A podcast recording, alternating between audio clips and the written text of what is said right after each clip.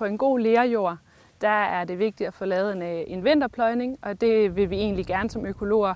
gøre i omkring jul, januar. Øhm, og så øh, kommer der forhåbentlig noget frost, der gør, at det bliver nemmere at lave et godt såbed, når vi kommer ind i marts. Og målet med såbedet, det er, at du får øh, en god løs overjord, som du ser her,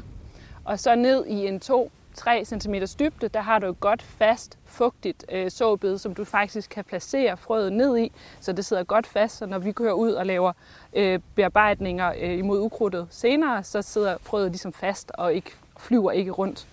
Øhm, og så er det selvfølgelig vigtigt, at du har sådan en god krummestruktur, som du også kan se her, øhm, sådan så knoldene ikke er for store, men også så det ikke er, fuldstændig øh, mast til støv og fyre og, og kan lave en, en hård pande, hvis det regner. Fugtighed er sindssygt vigtigt, øh, og det er vigtigt, at der er en ensartet fugtighed i ensartet dybde, fordi vi vil gerne have roerne til at spire ensartet og hurtigt. Får du uensartet spiring, så har du et kæmpe problem, når du senere skal ud og ukrudtsbehandle. Så ensartet spiring, det er altså nummer et, når vi øh, så roer. En af de strategier, som, som de fleste bruger, som også virker rigtig godt, det er at have en efterafgrøde i efteråret, og så lave en, øh, en vinterpløjning, når jorden ligesom er klar til det. Og så øh, en gang tidlig i marts, så få lavet såbedstilberedningen, og så øh, lade det ligge en uge inden du skal så, så kører du ud, laver en blindbearbejdning, og så øh, når du så sår, øh, så, så laver du faktisk i sig selv også en blindbearbejdning.